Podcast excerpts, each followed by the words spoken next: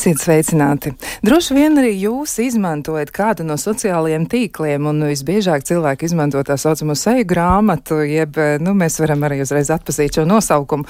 Jā, šķiet, varētu būt runa par Facebook, un tieši tā jūs arī nekļūdāties. Bet, protams, ir arī citi sociālie tīkli, e, kurus mēs lietojam, un e, kas ir noskaidrots par šo visu. Nu, kādu laiku valdīja priekšstats, ka cilvēks var diezgan labi atpazīt vai saprast par viņiem kaut ko, balstoties uz to, ko viņi publicē.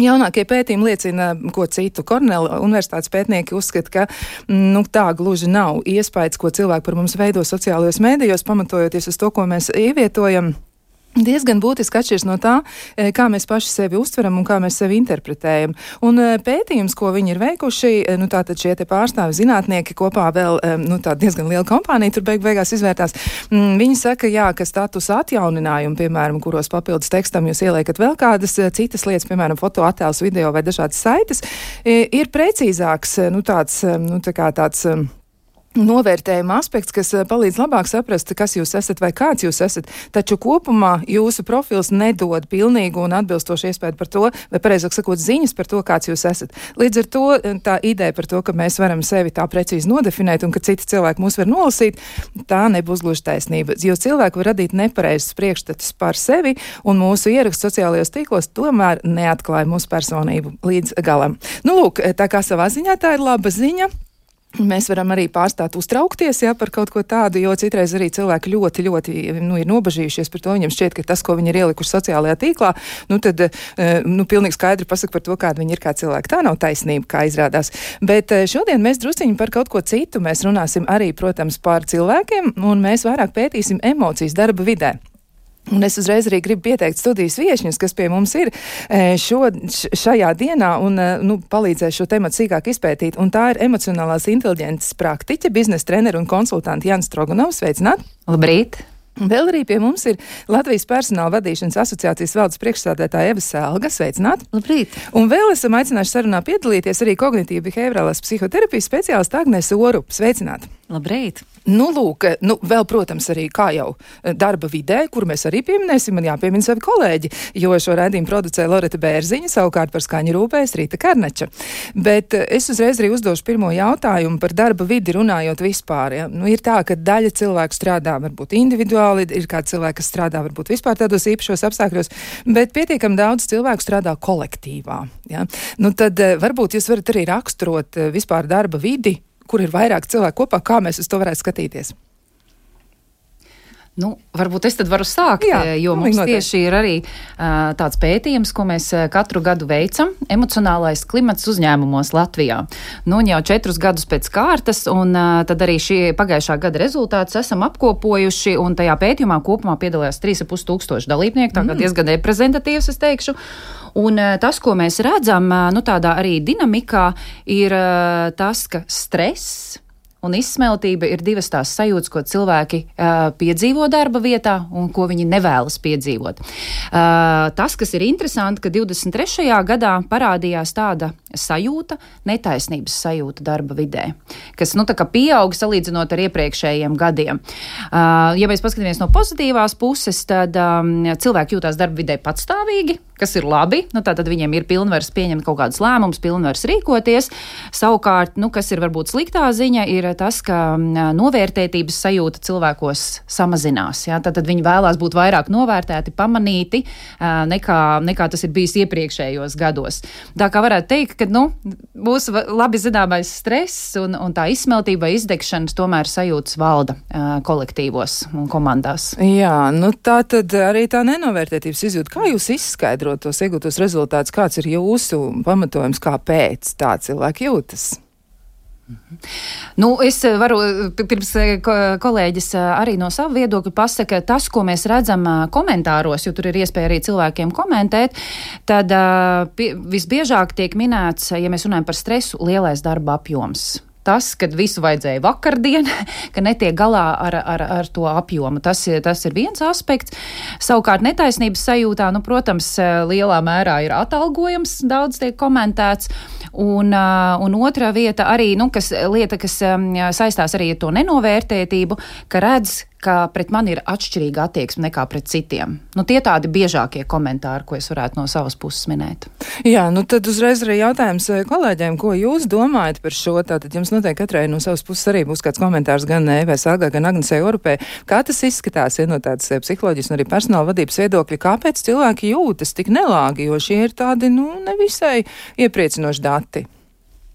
Jā, eh, es tad varbūt pakomentēšu, kā man tas izskatās šis Jānis eh, pētījumā, tās te, eh, šīs atklāsmes, ja?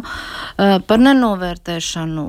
Jā, katram mums ir savas sajūtas, uh, par to, cik daudz mēs darām, kā mēs to darām, cik labi mēs darām. Mēs, protams, arī visus šos procesus, kas notiek uzņēmumā, vērtējam caur savu prizmu. Kā attiecās pret mani, kā es jūtos. Nu, tas ir pilnīgi normāli. Ne?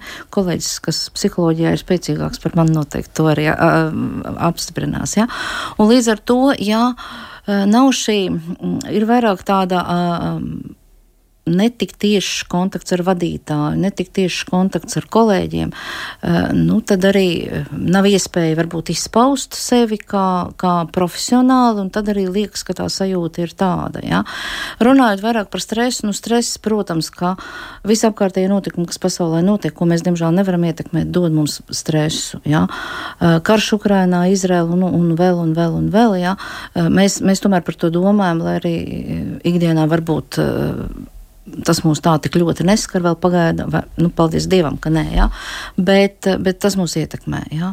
Un es atceros vēl pagājuši, nu, jo pirms diviem gadiem, kad sākās Ukrainas karš, darba vidē bija tāda pilnīga neizpratne, jā, un Latvijas personālīšanas asociācijā kolēģi, mēs runājam par to, ka darbinieki nesaprot, kā uzvesties, vai um, krievalodīgie, latviešu valodā runājošie, vai sarunāties vai nē, kā izturēties, ko darīt, ja?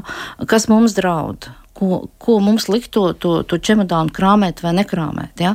Tāds tiešām tāda reāla uh, panika. Ja? Un, un tad mēs uh, paaicinājām, uztaisījām webināru, kur pieslēdzas pār 500 darbinieku no uzņēmumiem, kur psihologs un, un tad, tad Marija Ābeltiņa un Toms Rostoks, katrs no savas puses, no politiskās, militārās, no psiholoģiskās, izstāstīja, kā tad mums justies un ko mums darīt. Un tas iedeva tādu, tādu, tādu atslābumu. Jā. Cilvēkiem ir jāstāst un jārunā. Ja? Un ne katrs atnāks un teiks, klau, um, mani nomūt, ka tāda un tāda doma palīdz man. Um, ne katrs atnāks, pateiks vadītājiem, kolēģim, personāla vadītājiem, varbūt tuvākam cilvēkam. Ja? Tāpēc arī nu, ir, ir, ir jādod tie vispārējie tādi pozitīvie momenti, ja? kas, kas notur to darba vidi. Uh, maksimāli labvēlīgā gaisotnē, labs, maksimāli pozitīvā gaisotnē, lai neiznāk ārā tādi šie emocionāli un stresa momenti, kas par ko tad ir, ir jābažījās. Jā, nu tā ir grūta situācija, kur mēs šobrīd piedzīvojam, un patiesībā jau tā tad ļoti ilga, bet nu, tiešām tāda eskalācija ir notikusi pēdējos pāris gados. Tas ir pavisam tā grūti izturam daudziem cilvēkiem. No Agnes, no savas puses, kā tas izskatās? Um, es varbūt pakomentēšu sākumā no tādas um, klīniskās psiholoģijas viedokļa, to, ko es redzu, teiksim, klientu vidū un, un, un tie, kas nāk terapijā. Nu, patiešām šis izsīkums un izdegšana šobrīd, es laikam nekad neesmu redzējis tik piekusušus cilvēkus, kādi viņi ir šobrīd. Un, Un tas, ko mēs zinām par izdegšanu, ka nu, vismaz tā definīcija, pamatdefinīcija, ka tas ir neveiksmīgi pārvaldīts, nu, ja runājam par darba vietu, tad profesionālais stress, taču faktiski dedzina ārā cilvēku jebkurš stress. Un, un, un, un tā kā, piemēram, kā mēs Covid laikā redzējām, nu, cilvēki deg ārā kā sērkociņi, man ir jāsaka, ka ļoti īpaši mazas bērnu mammas deg ārā, kurām ir jāstrādā vienlaikus, kuras ir, ir, ir, kurām ir sapulces, un tad tev nāk mazais bērns un saka, mammu, es tur nevaru skolā tik galā, mammu, kura poga, mammu, mammu, mammu, mammu. Otrs saka, ēst gribās, visu laiku virinās ledusskapis. Un, Nu, kā, nu, nu, cilvēkiem bija ārkārtīgi grūti Covid laikā ļoti daudziem, bet tas nav īpaši mainījies arī tagad, tādēļ, ka, ja mēs paskatāmies uz tādu mm, plašāku kontekstu, tas, kas notiek mūsu dzīvē, tad informācijas apjoms. Ar kādu mēs šobrīd sastopamies, nu, ir dažādi pētījumi veikti, ja, bet, piemēram, šobrīd tiek sacīts, ka, ka cilvēks vienas dienas laikā saņem vairāk informācijas nekā zemnieks pirms pieciem gadiem visas dzīves laikā. bet mūsu smadzenes jau nav mainījušās. Vai ka vienas dienas laikā mēs saņemam informācijas apjomu, kas ir ekvivalents 57 avīzēm nu, tad mūsu smadzenes jau nav mainījušās. Mums nav viņas kļuvušas ne lielākas, ne elastīgākas, ne, ne ātrāk strādājošas, bet tas informācijas apjoms, ar ko mēs tiekam bombardēti, mums jau ar viņu ir jātiek galā. Un tad tā uzmanība tiek plēsta uz visām pusēm. Nu, ja mēs iedomājamies, es nezinu, nu, es tā iztēlojos, nu, teiksim, manā bērnībā vecmāmiņa kā dzīvoja laukos, kur visi procesi notiek dabīgi, lēni. Jā, nu jā, tev ir daudz darba, bet tas ir varbūt vairāk tāds fizisks, bet tādai uzmanībai, atmiņai, uztverēji. Tur jau vairs nebija tāda tā spriedze. Ja tu, tu ej, nezinu, tu ej slaugt kotiņas, ja nu labi, tur laiks ir nomainījies, bet nav tā, ka vienā dienā ir plus 20 un nākamajā mīnus 20 mēs varam iekāpt lidmašīnā un tagad aizlidot no plus 20, minus 20 uz citu laika zonu, uz citu, uz citu, un tad mēs domājam, kāpēc mums ķermenim klājas grūti. Bet ķermenis nav paredzēts 40 grādu, grādu nu, tādām svārstībām tik īsā laikā. Nu tā. Jā, arī man sanāca. Jā, ļoti, ļoti liels paldies par šādu izvērstu komentāru. Es domāju, ka tas klausītājiem arī ļoti noder un, un liek aizdomāties, bet arī no viņa puses ir jau pāris komentāri, un viņi raksta tā, ka nav vairs kopā būšanas ārpus darba, ja saspringta situācija pasaulē un tā tālāk. Tāpēc arī esam nervozi un tādiem lieliem burtiem, ja šis ir uzrakstīts un tiešām uzsvars ir uzlikts, un, un, un tā tiešām arī ir noteikti var piekrist pie, par šo. Un uh, vēl arī tāds jautājums, kas. Um, Nu, tā kā vedina domāt arī tieši par šīm emocijām un emocionālo atmosfēru, jā, kā klausītāji to apzīmē. Tātad, vai tomēr par emocionālo atmosfēru darba vidē nav atbildīgs ļoti lielā mērā vadītājs, eh, vai ne? Ja tāds, nu, tā kā ap, jautājums ar, ar vēlmu to apstiprināt, šo apgalvojumu. Eh, bet, ja pats vadītājs ir, kā klausītājs raksta, histēriķis, jā, eh, tad kā reaģēt padotajiem? Nu, tad kāds būtu jūsu versijas, kā jūs varētu piedāvāt tik galā šo situāciju? Jo tiešām, nu, no tā kā uzvedas vadītājs, kā viņš rūpējas par saviem eh, darbiniekiem. No tā tiešām daudz kas ir atkarīgs. Jā. Jā. Eh, redziet, vadītājs jau arī ir cilvēks ar savām emocijām. Jā? Vadītājs nav kaut kas uh, daudz izturīgāks vai automātisks vai robots. Vadītājs arī ir cilvēks ar savām emocijām. Līdz ar to es domāju, ka vairāk uzņēmumam kā Eh, kā organizācijai, kā struktūrai ir jādomā par to, kā to darba, labvēlīgo darba vidi radīt. Un uzņēmumi tiešām par to arī domā, jo labbūtība kā jēdziens eh, gan pagājušajā gadā, gan arī šogad ir, ir top, top, top. Eh, Latvijas personāla vadīšanas asociācijā mēs katru gadu dodam balvu par labāko personāla vadības projektu Latvijas uzņēmumos. Un pagājušajā gadā, oktobrī, arī mēs šo balvu pasniedzām un 99% balvas pieteikumu bija par labbūtību, ko uzņēmumi dara.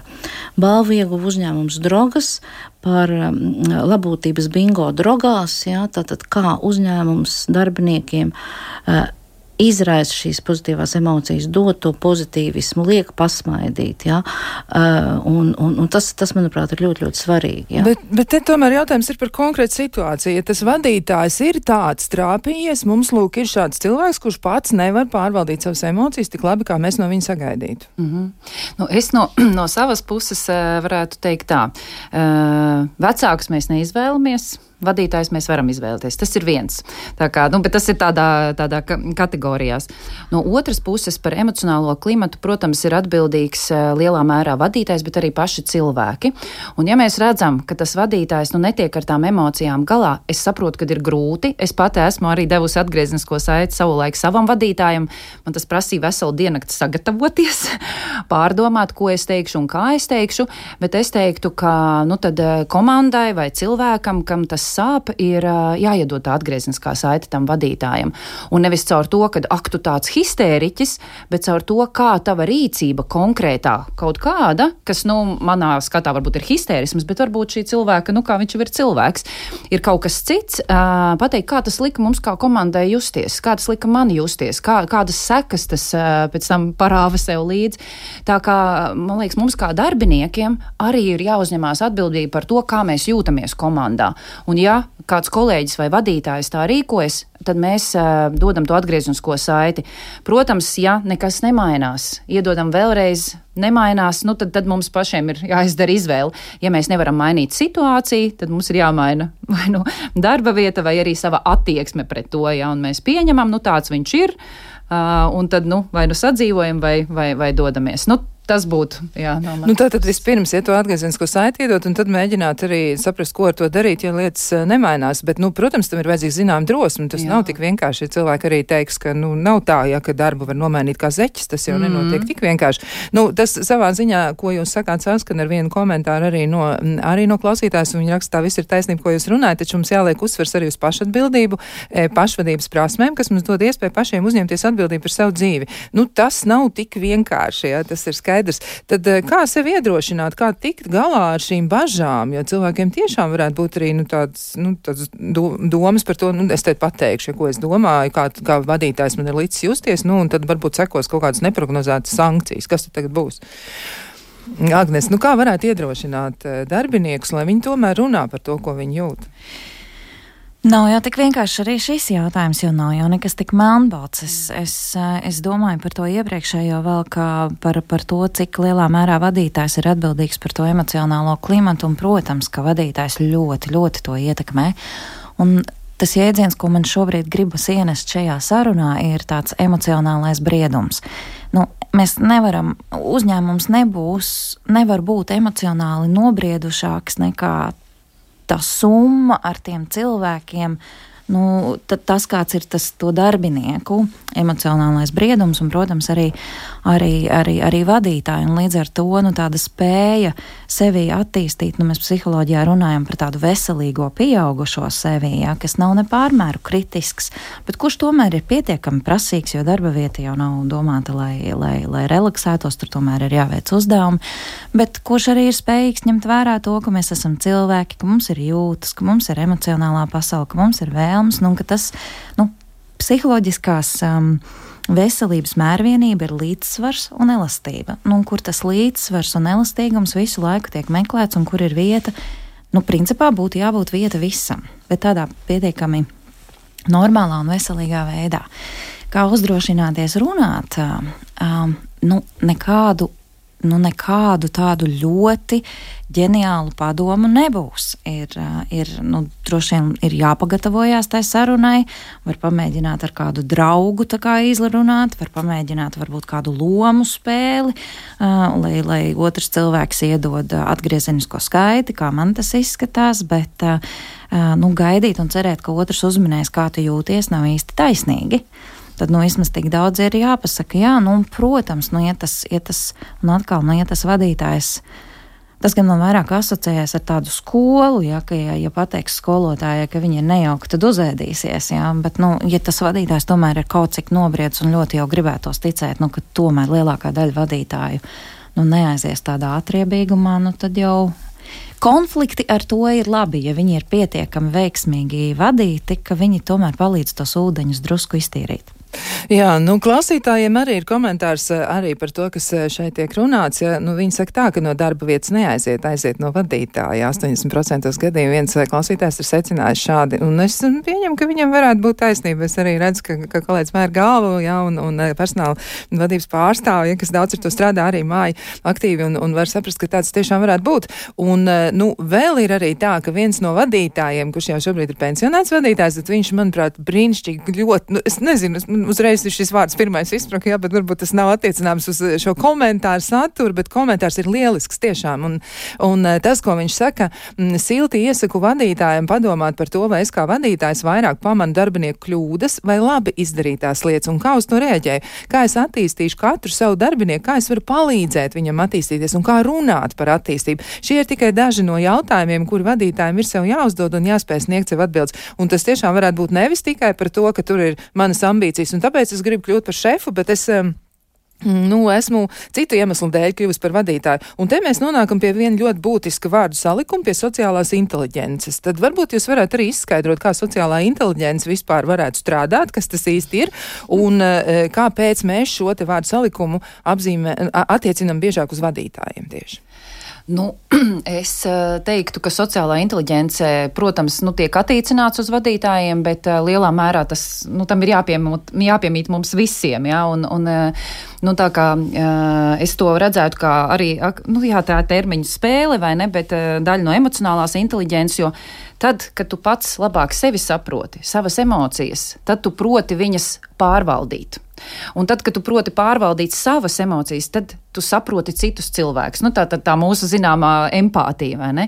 Un tad, kad mēs esam empātiski uh, pret citiem cilvēkiem, tad mēs, protams, ar viņiem arī labāk sadarboties. Tad tā ir tā sociālā inteliģence, ieraudzīt otrā cilvēkā, kas tev ir priekšā, cilvēku būtni, kura principā darbojās uz emocijām un dažkārt racionāli domā. Ja? Nu, nevis otrādi, ka mums liekas, ka mēs esam racionāls būtnes un dažkārt mums ir emocijas, bet ir, ir otrādi. Tā kā es teiktu, ka sociālā inteliģence jā, ir tā spēja ieraudzīt cilvēku un prast ar viņu sadarboties. Un, un, un es pateikšu vienu vēl tādu varbūt savādu, nu tādu konfliktējoši varbūt teicieni, mums liekas, iz, eh, ir teiciens, vai ne, izturies pret citiem tā, kā tu gribi, lai izturās pret tevi. Es teiktu, ka īsti tā nē, ka tev ir jāiepazīst tas otrs cilvēks, un tad jāizturās pret viņu, nu tā, lai jūs tā kopsadarbība, tā miedarbība būtu pēc iespējas labāka. Ja? Nu tā. Jā, nu, tiešām nopietnas lietas notiek, un, eh, protams, ka ir labi, ja vadītājiem tā sociālā inteliģence piemīt, ja kas, nu, tiešām mēs vairāk sagaidām to no viņiem, bet uh, vienmēr neiet tik viegli, un arī viens no klausītājiem raksta, es, es esmu depresijā, darba apjoms ir pieaudzis vairāk par 50%, katru darba dienu esmu spiest strādāt 11 līdz 12 stundas, un lielāko daļu no algas pieauguma apēdusi inflācija. Izējas nav, jo manā darba jomā ir ļoti grūti atrast citas alternatīvas un līdzīgi atalgojumi. Un, tā kā tiešām reizēm tas situācija ir tāda ļoti, ļoti sarežģīta. Nu, to absolūti nebūs viegli mm, iespējams atrisināt. Un, eh, nu, tad ir jautājums, ja, ko tad darīt. Un arī uzreiz mums ir vēl viens komentārs, kas, manuprāt, arī nu, tieši papildina šo iepriekš teikto, un arī gribas tad uzdot šo jautājumu, ko darīt, kad darba radītās emocijas ietekmē ģimenes dzīvi, ja, un lūdzu dažus ieteikumus, kā to mainīt. Tad kā rīkoties situācijās, kad darbā tiešām ir ļoti liels slodzes, cilvēki ļoti, ļoti nogurst, ir, ir organizācijas un kompānijas ir atlaiduši daudz darbiniekus arī Covid laikā, ja, un, un, un arī pēc tam ir sekojušas dažādas krīzes. Kā tad rīkoties, ja darbā iet grūti, tur ir daudz šo emociju, ko ir grūti izturēt, un kā tikt galā ar mājas dzīvi? Varbūt es šo jautājumu adresēšu Agnesē. Jā, nu te laikam atkal nu, nebūs jau vienkārši atbilde, bet jo lielāka slodze, jo kvalitatīvākai jābūt ir atpūtai. Un, un es drusku varbūt ieskicēšu to atpūtas jēdzienu, jo mēs pieaugušie cilvēki ar atpūtu. Mēs nevienmēr labi saprotam, kas tā atpūta ir. Atpūta noteikti nav sēdēt, nezinu, Instagramā un, un noslogot vēl vairāk savas smadzenes. Sāksim ar to, ka pirmais absolūts vārdsargs mūsu aizsardzības laukumā ir miegs. Un pētījumi rāda, ka mēs guļam ar vienu un ar vienu mazāk. Es šo pateikšu skaļi. Vidēji cilvēkam ir jāguļ 8 stundas un 14 minūtes, rāda pētījumi. Visaugstāk performējošie cilvēki pasaulē guļ 8 stundas un 26 minūtes. Pētījumi arī rāda, ka, ja mēs samazinām to gulēšanu tikai, protams, tas ir mazliet individuāli, tas ir atšķirīgi. Ja ir cilvēki, kuriem vajag vairāk nekā 8 stundas, ir tādi, kuriem vajag mazāk, bet kopumā ņemot vidējais, tas rādītājs ir tās 8 stundas. Un pētījumi brīnišķīgi rāda, ka laboratorijas apstākļos, nu, mērot precizitāti, kas notiek ar cilvēku, ja viņš ir tikai vienu stundu mazāk gulējis, Nu, atkal, tie pētījuma rezultāti, protams, ir ļoti dažādi, bet viens pētījums saka, nu, ka tas ir līdzvērtīgs kā sešu saules buļģiņas izdzert. Nu, tā precizitāte, tu varbūt to tā nejūti, bet tas, tie rādītāji ietekmē, un, un tu faktiski esi mazāk produktīvs. Bet atgriežoties pie tēmas par to, kas ir kvalitatīva atpūta. Kvalitatīva atpūta nozīmē arī to, ka mums ir laiks, ko mēs pavadām kopā ar cilvēkiem, kas ir nu, kvalitatīvi pavadīts laiks, kas ir sarunas par būtisko, sarunas par, par, par personiski svarīgo, bet tas ir arī kvalitatīvi pavadīts laiks vienatnē. Es nezinu, cik daudz pieauguši cilvēki mūsdienās iet pastaigāties un vienkārši padomāt savas domas, iznēsāt kaut kādas savas idejas un pabūt kontaktā ar sevi, vispār saprast, ko es jūtu, ko es gribu, ko man vajag. Un, jo, jo tas temps ir tik liels, ka tu pat nevari, nevari apstāties. Un vēl viena lieta mēs varētu arī mazliet par uzturu parunāt, bet vēl viena lieta, kas ir, jo mēs ļoti daudz dzīvojam uz kofeīna un cukura, kas arī ir, ir, ir ārkārtīgi īstermiņā palīdzošs, bet ilgtermiņā ļoti uh, izdedzinošs mehānisms. Bet vēl viena lieta, kas mums ir ļoti svarīga pieaugušiem cilvēkiem, mums ir jārotaļājas. Atpūtas jēdziens nozīmē arī rotaļāšanos. Tas ir darīt kaut ko, kam nav nekāda super izteikta mērķa, jo iešana uz mērķi atkal organismam ir stress. Jā, vienalga, kas tas arī nebūtu.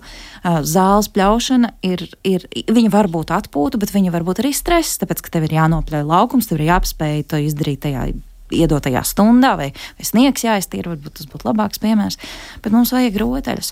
Un te savukārt kādreiz, jā, bet es rotaļājos ar bērniem. Ja tie bērni ir mazi, tad pieaugušam cilvēkam tas ir darbs tās rodas, kas mums ir vajadzīgas, nu, ir, ir, ir kaut kas tāds, kur mēs vienkārši varam atslēgties. Un vienam tās ir dēļas, otram tas ir, es nezinu, varbūt kaut ko garšīgu pagatavot, bet tāds, nu, vienkārši muļķi kaut kur palaist. Nu, tā. Jā, palaist muļķi, tas kādreiz arī noderētu. Jā, nu, vēl ir kāda piebilde. Jā, es eh, varbūt eh, atbildot uz to jautājumu par to, ka ir milzīgs darba apjoms un tās daudzās stundas, te arī nebūs viena atbilde, viss ir atkarīgs, nu, protams, no vadītāja, bet man liekas, ka, eh, nu, ir jāizdara viss, ko es varu izdarīt, un ko es darītu. Es noteikti ietu pie vadītāja un runātu un stāstītu, ka es strādāju tik daudz, eh, ka es nevaru atpūsties. Nu, eh, jo reizēm vadītājs, nu, kā jau mēs runājam, ir cilvēks, viņš varbūt neapzinās, vai ne, ka tas darba apjoms ir, ir pa lielu, un, un arī viņš noteikti strādā daudzas stundas un, un, eh, un vienkārši nepadomā par to. Tāpēc man liekas, ka jebkurai situācijai risinājums ir saruna. Un tad jau mēs skatāmies, kā tālāk iet. Un, ja tu netiec galā, prasi, kas ir manas prioritātes, kas man ir jāizdara rītdien, kas man jāizdara tuvākajā nedēļā. Un tādā veidā pats arī mazliet sevi disciplinēt. Nu, nav jāizdara viss šodien. Esam reāli, vai ne? Un, un, un tāpēc, tāpēc es teiktu, ka saruna ir labākais ar, ar savu vadītāju. Jā, nu tur arī būs dažādi klupšanas akmeņi, gan jau kā, eh, bet eh, nu, situācijas var atšķirties. Mēģināt droši vien vajadzētu, jo tas ir par mūsu pašu dzīvi, un mēs to katru dienu atpakaļ dabūt nevarēsim. Jā. Mēs nevaram vienkārši paņemt ja, no kaut kurienes laiks iet, un tā ir mūsu dzīve. Nu, vēl arī m, mm, pirms mēs, mm, tā teikt, uz, uz īsu mirklī paņemsim tādu atpūtas brīdi, m, mm, vēl viens komentārs, kad darbinieks sāk runāt par labbūtību darbā. Viņam darbinieku vērtējumā aizrādīja par lojalitātes trūkumu organizācijai. Svarīgāk bija, kā organizācija izskatīsies situācijas, nevis tas, kā tiek organizēts darbs organizācijas iekšienē un kā tajā jūtas darbinieki. Nu, ļoti nelāga pieredze jāatzīst. Bet um, par šiem un citiem jautājumiem mēs runāsim, bet to mēs darīsim pēc īsa atelpas brīža. Kā labāk dzīvot? Turpinām sarunu par to, kā tikt galā ar izaicinājumiem darba vidē un kā piedzīvot pašiem sevi un arī, nu, kā, kā pārvaldīt emocijas. Un mēs drusciņi runājam gan par pašiem darbiniekiem, gan arī par vadītājiem. Tā mēģinām salāgot, nu, kā, kā, kā, katram būtu jāmēģina tik galā ar grūtībām. Nu, vēl arī viens no tādiem komentāriem, ja, ka mm, nepiekrīt tam, ka vadītājs arī, arī ir cilvēks, varbūt arī vājš. Ja piedodiet, tad tas nav vadītājs. Vadītājs ir tāpēc, ka vadītājs, ka viņš tāds spēcīgs līderis. Nu, to, protams, mēs varētu sagaidīt, bet nu, tiešām tur jau nu, tas, tas cilvēks drusciņi tomēr parādās laika pa laikam. Un uh, vēl arī viens no tādiem. Um, komentāriem ja, varu apgalvot, ka neatļaujos darbā izgāzt savas emocijas, cenšos savaldīties, būt laipni gan pret kolēģiem, gan priekšniekiem, bet kaut kur taču manī tas viss sakrājas, kā no tā tikt vaļā.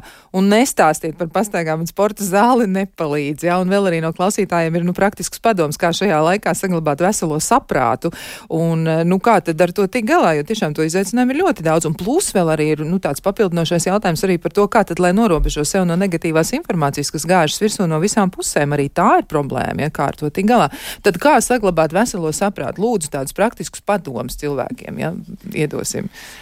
Nu, emocijas ir jāizrēģē. Klausītāji ir pilnīgi taisnība ar viņām, un, un tas ir iemesls, kāpēc ar vien vairāk, diemžēl, cilvēkiem parādās šīs depresīvās iezīmes, ka mēs, um, nu, viens no tādiem komponentiem, tas noteikti nav vienīgais, bet viens no tādiem komponentiem, diemžēl, ir šī frustrācija vai dusmas, kuras ir jāapspiež. Un, ja tam pieliek, nu, tā kā, ja mums visu laiku mēs, piemēram, par kaut ko dusmojamies, un mēs nevaram tur neko izmainīt, tad piekarinās klāt bezcerība un sākas šī nomāktība, kas var aizvest līdz patiešām, nu, jau klīniski nozīmīgai depresijai. Tāpēc emocijas ir jāpārstrādā, par viņām ir jāspēj kaut kur runāt, un, un, un es ļoti, ļoti aicinātu katru un ikvienu darba vietu, nu, mēģināt mazliet strādāt šīs emociju, mm, nu, emocionālās inteliģences virzienā, tādā nozīmē, ka neteikt cilvēkiem, tad, kad tu nāc uz darbu, tu atstāji emocijas lūdzu aiz durvīm. Tas būtu apmēram līdzvērtīgi tam, ka teikt, lūdzu, atstāj asinsspiedienu aiz durvīm. Mēs nevaram atstāt savu limbisko smadzeņu daļu aiz durvīm. Nu, vismaz, ja mēs gribam domājošus darbiniekus. Un, un jā, nu, tā kā jā, nu, jautājums, kur ar tām emocijām likties, tas ir ļoti labs jautājums. Nu, skaidrs, ka viens. Ka, ka, ka brīnišķīgi, ja mums apkārt ir citi cilvēki, tuvi cilvēki, ar kuriem mēs varam runāt. Vēl brīnišķīgāk būtu, ja emocijā, emocijas, kas rodas darba vidē, varētu arī darba vidē pārunāt. Uh, nu, nu, ja galīgi nav neviena ne otra, nu vienmēr paliek terapija.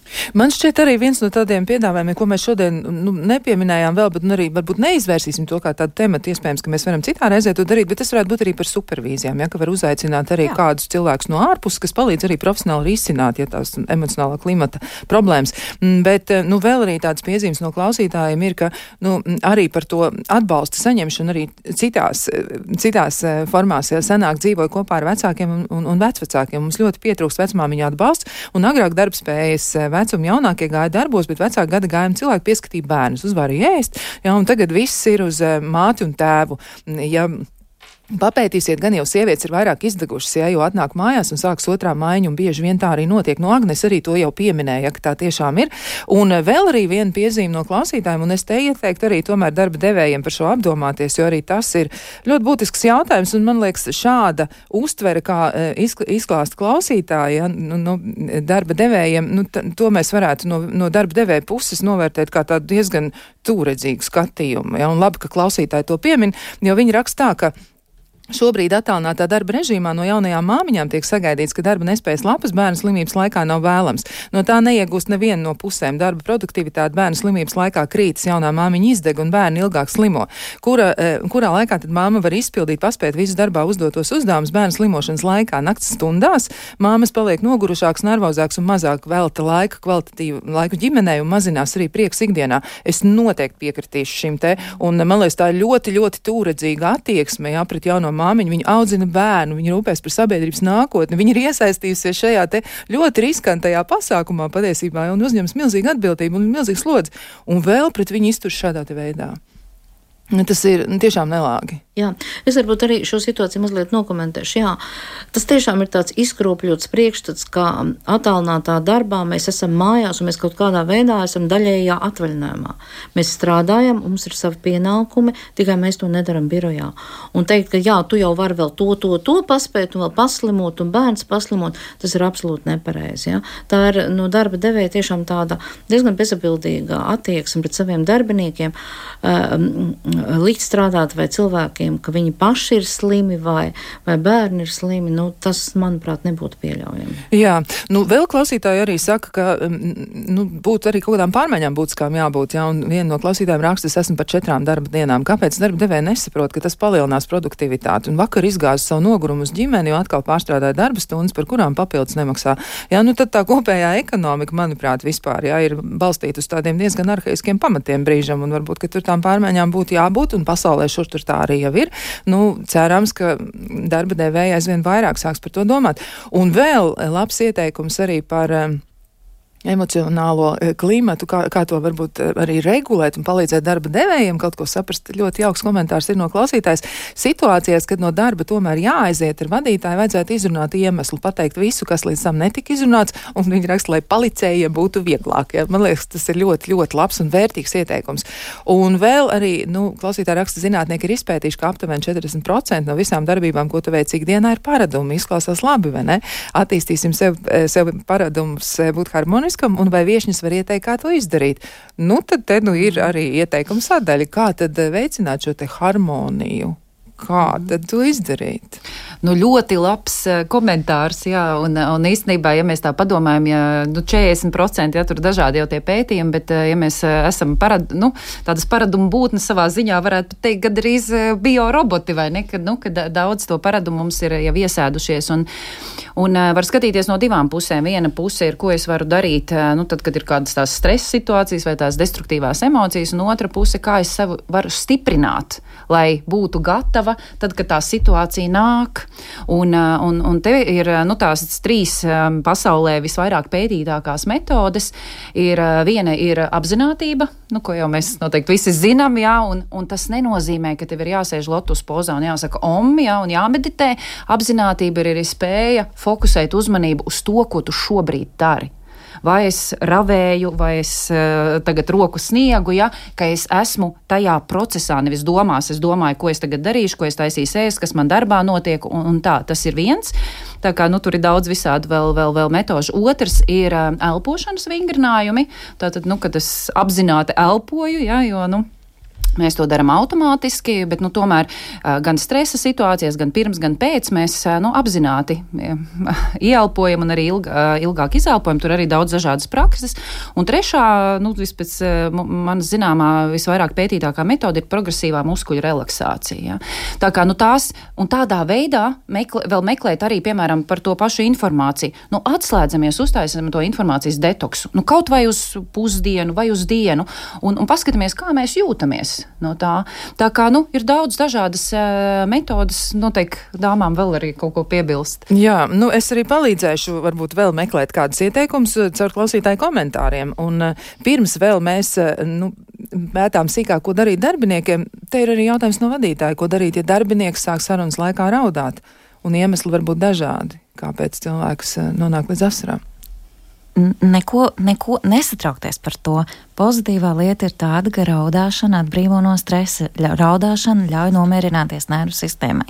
Cilvēks, nu, raudāšana kā jebkura cita emocija, nu, tā kā, nu, labi, raudāšana pat nav emocija, bet, nu, pieņemot, ka tur ir skumjas vai, vai frustrācija vai kaut kas aizmugurē, uh, ja viņa tiks pieņemta, ja viņu validēs un akceptēs, cilvēks nomierināsies un ies jau produktīvāk tālāk. Slikts ziepes ir tad, kad saka, nu tā kā nomierinies, savācies, ja, un tad tās emocijas tiek atgrūstas, un tad cilvēkam ir divas problēmas. Viņam sāp, un viņš vēl, nu, kā viņam vēl ir jāizdomā, ko ar šo darīt šo situāciju. Jā, nu netiek atzītas viņa jūtas, ja viņa emocijas netiek atzītas tajā brīdī, un vajadzētu darīt tieši pretēji. Emocijas pašas par sevi nav bīstamas. Bīstama ir tikai izpausme, un, un, un cilvēks ir bīstams dzīvnieks dusmās. Jā. Un par dusmām. Tātad, jā, vai dusmas var palīdzēt cilvēkiem viņu mērķu sasniegšanā? Viens no klausītājiem tieši to arī jautā. Viņš raksta, esmu lasījis, ka pētnieki atklājuši, ka gadījumos, kad uzdevumi ir bijuši sarežģīti un grūti, šī emocija palīdzēja darbiniekiem sasniegt mērķi labāk nekā jautrības, kumis vai neitrāls emocijas. Kāds ir jūsu komentārs cienījumiem? Studijas viesi. Pavisam īsi es tikai gribu pateikt, lai, lai nerodas pārpratums, dusmas pašas par sevi nav ne labas, ne sliktas. Emocijas vispār nav ne labas, ne sliktas. Jā izpausmes var būt pieņemamas un nepieņemamas, palīdzošas un nepalīdzošas. Bet jā, dusmas noteikti var palīdzēt, tāpēc, ka dusmas pirmkārt dod enerģiju, un otrkārt dusmas mums nu, dabīgi ir dotas, lai palīdzētu nospraust robežas. Līdz ar to, lai mēs varētu, mums tad rodas enerģija to mērķi sasniegt. Un tagad es apklustu un dodu vārdu kolēģiem. Jā, bet tas dusmas nevajag, nevajadzētu vērst pret kādu citu. Jā, nu, bet manam, arī pret sevi nē. Un arī pret sevi nē, bet manas dusmas nedrīkstētu kaitēt. Jā, bet tā jau ne? būs izpausme. Pašas jā. emocijas jau nevienam pāri nedara. Jā, nu kā reģistrēt, ja tu, es esmu dusmīgs, ja kā saprast vispār, ka es esmu dusmīgs, jo dusmas ir vērtīgs signāls par to, ka kaut kas notiek. Mm. Nu, ma, nu, man liekas, un ka, ko arī gan jau saka gudri cilvēki par to, ka kad tad rodas dusmas? Dusmas rodas tad, kad mums nav piepildītas gaidas. Vai ne? Nu, ka mēs kaut ko, nu, vistipiskāk, ja, ka mēs kaut ko sagaidām, kaut ko no otra, un tad, tad, tad, tad tās dusmas rodās. Un, um, Nu, nu jā, nu mēs sajūtam arī tīri fiziski. Mums varbūt, eh, nezinu, sirds sāk eh, klauvēties, vaigi paliek sarkani, vai mēs arī fiziski sajūtam, ka mums tās dusmas ir klāt. Un es gan teiktu, ka ir jāsaka, Uh, otram cilvēkam, ka es esmu dusmīgs. Ir īpaši darba vidē, nu, piemēram, viņš ir atnācis, tur nokavējies uh, vai, vai neizpildījis to uzdevumu, un tu jau drīksti teikt, klau, es esmu dusmīgs. Jo šo, tu neesi izpildījis to uzdevumu. Un tas nav ne, ne, nepareizi, vai ne, manuprāt, jo, jo cilvēkam ir jāsaprot, nu, kā tā viņa darbība liek, liek tev kā vadītājiem justies. Galvenais jau, ka tā emocija, nu, kā jau Agnes teica, tiek vai nepieņemama cieņpilni pausta. Tu drīksti būt dusmīgs, tu drīksti pateikt. Un vēl atgriežoties uz to jautājumu par to raudāšanu kabinetā, es teiktu, ka tas vadītājam ir lielākā, nu, varbūt um, uzslava, jo tāpēc, ka cilvēks ir bijis patiesis viņa kabinetā, viņš ir patiesi izpaudi savas emocijas. Un ko vadītājs var labāk vēlēties, ka, cilv, nu, ka tev ir kontakts ar to cilvēku, Tagad visa bumba ir tavā rokā, kā tu uz to norēģēsi. Ja, to jau Agnēs nokomentēja. Ka pieņem to, ka, ka cilvēks ir bēdīgs un, un, un, un, un atnest glāzi ūdens un teikt, ok, varbūt mēs parunāsim par šo tēmu nākamreiz. Nu, ja šobrīd viņš nav gatavs to runāt. Tā, tā ir augstākā uzslava vadītājiem, es teiktu. Jā, nu vēl arī par emocijām darba vidē, vai un kā tas palīdz gūt panākumus. Nu, kā tad ir, pieņemsim, ar šo te emociju vadīšanu, pārvaldīšanu? Ir kaut kas tāds, ko jūs varētu teikt par to, kāds varētu arī ļaut kaut ko sasniegt? Jā, bez šaubām. Emocijas motivē. Ja nav emocija, tad nekā. Tad, tad Mēs, eh, nu, teiksim, tādā personāla vadībā mēs daudz runājam par to, ka darbiniekus jāmotivē. Nevajag darbiniekus motivēt. Ar darbinieku, kad viņi nāk strādāt, kad viņus pieņem darbā, nu, nu, nu, tad ir jābūt ārkārtīgi izmisušam stāvoklim, lai cilvēks, nu, tā kā labprātīgi ietu darīt darbu, kas viņam šaušalīgi nepatīk. Pārsvarā tomēr cilvēki nu, tādos Latvijas apstākļos izvēlās kaut ko, kas tuvāk sirdī. Viņi ir motivēti. Tas, kas mums ir, un motivē tieši emocijas.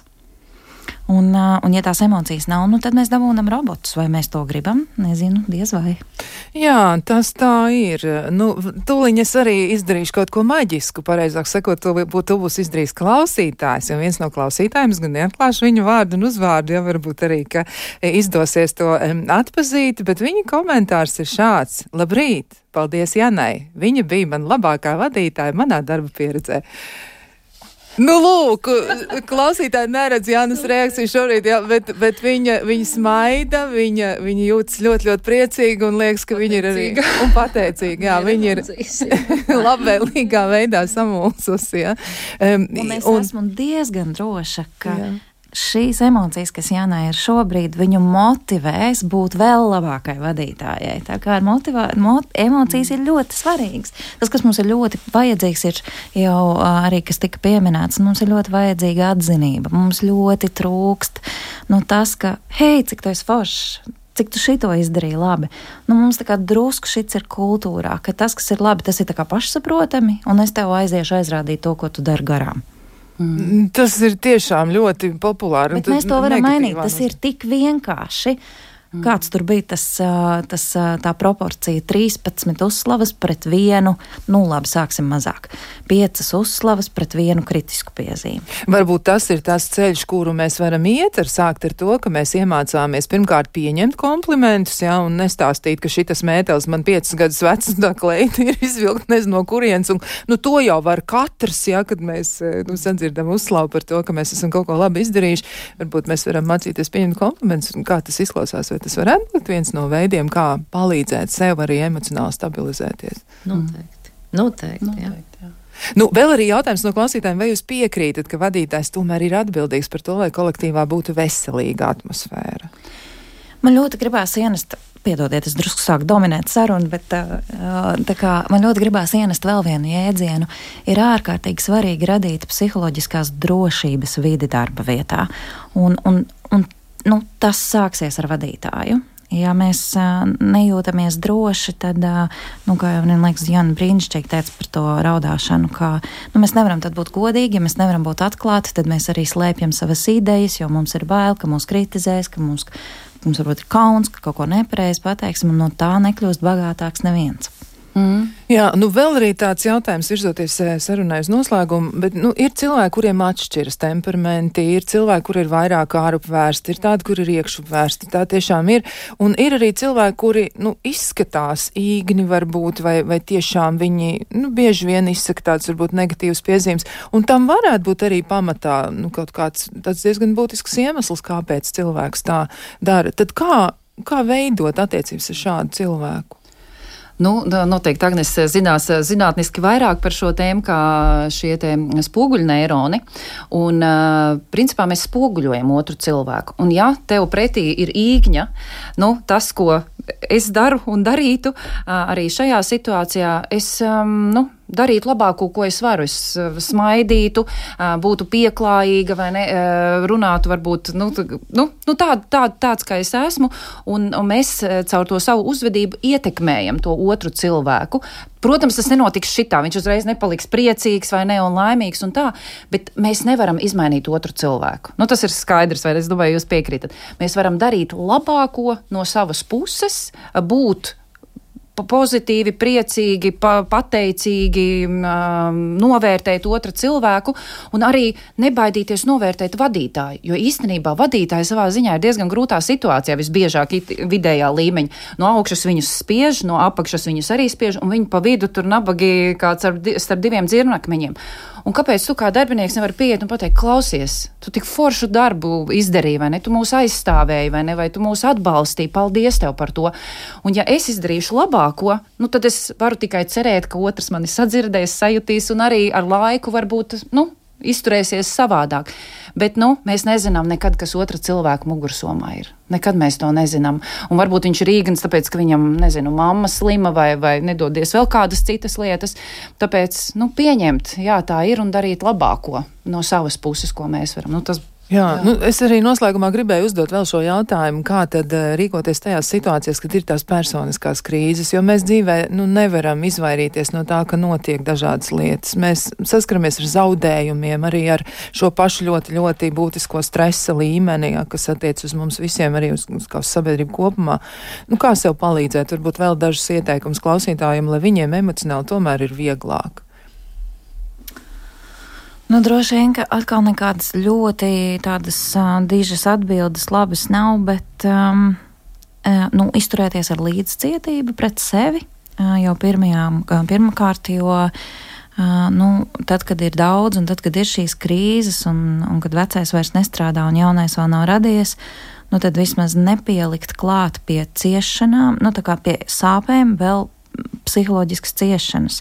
Jā, mēs, mēs varam, nu, mums visiem var gadīties sagriezt pirkstu, bet, bet tas, ko mēs varam izlaist, nu, tas pirksts sāpēs un viņš dzīs kaut kādu brīdiņu, bet tas, ko mēs varam izlaist, ir mēs varam izlaist šo sadaļu, kāpēc es esmu tik tīzlis, kāpēc man vienmēr kaut kas notiek, esmu mūžīgi kaut ko, un tā kā pie, nepielikt pie sāpēm vēl klāt nevajadzīgas liekas ciešanas, bet tajā brīdī papūst pirkstiņu, uzlīmēt, um, uzlīmēt uh, plāksteri un uh, drusku tā kā nu, iedot sev laiku, ok, nu tā kā šodien es varbūt nedarīšu tos darbus, kur tās rokas ir tik ļoti vajadzīgas. Un, nu tā ar tādu mīlestību un iecietību un gādību pret sevi. Ar mīlestību un iecietību un gādību pret nu, sevi. Ja es arī viens mazs komentārs, ka man liekas, ka labs padoms ir tāds paskatīties uz šo situāciju, ko tu ieteiktu savam draugam šajā situācijā.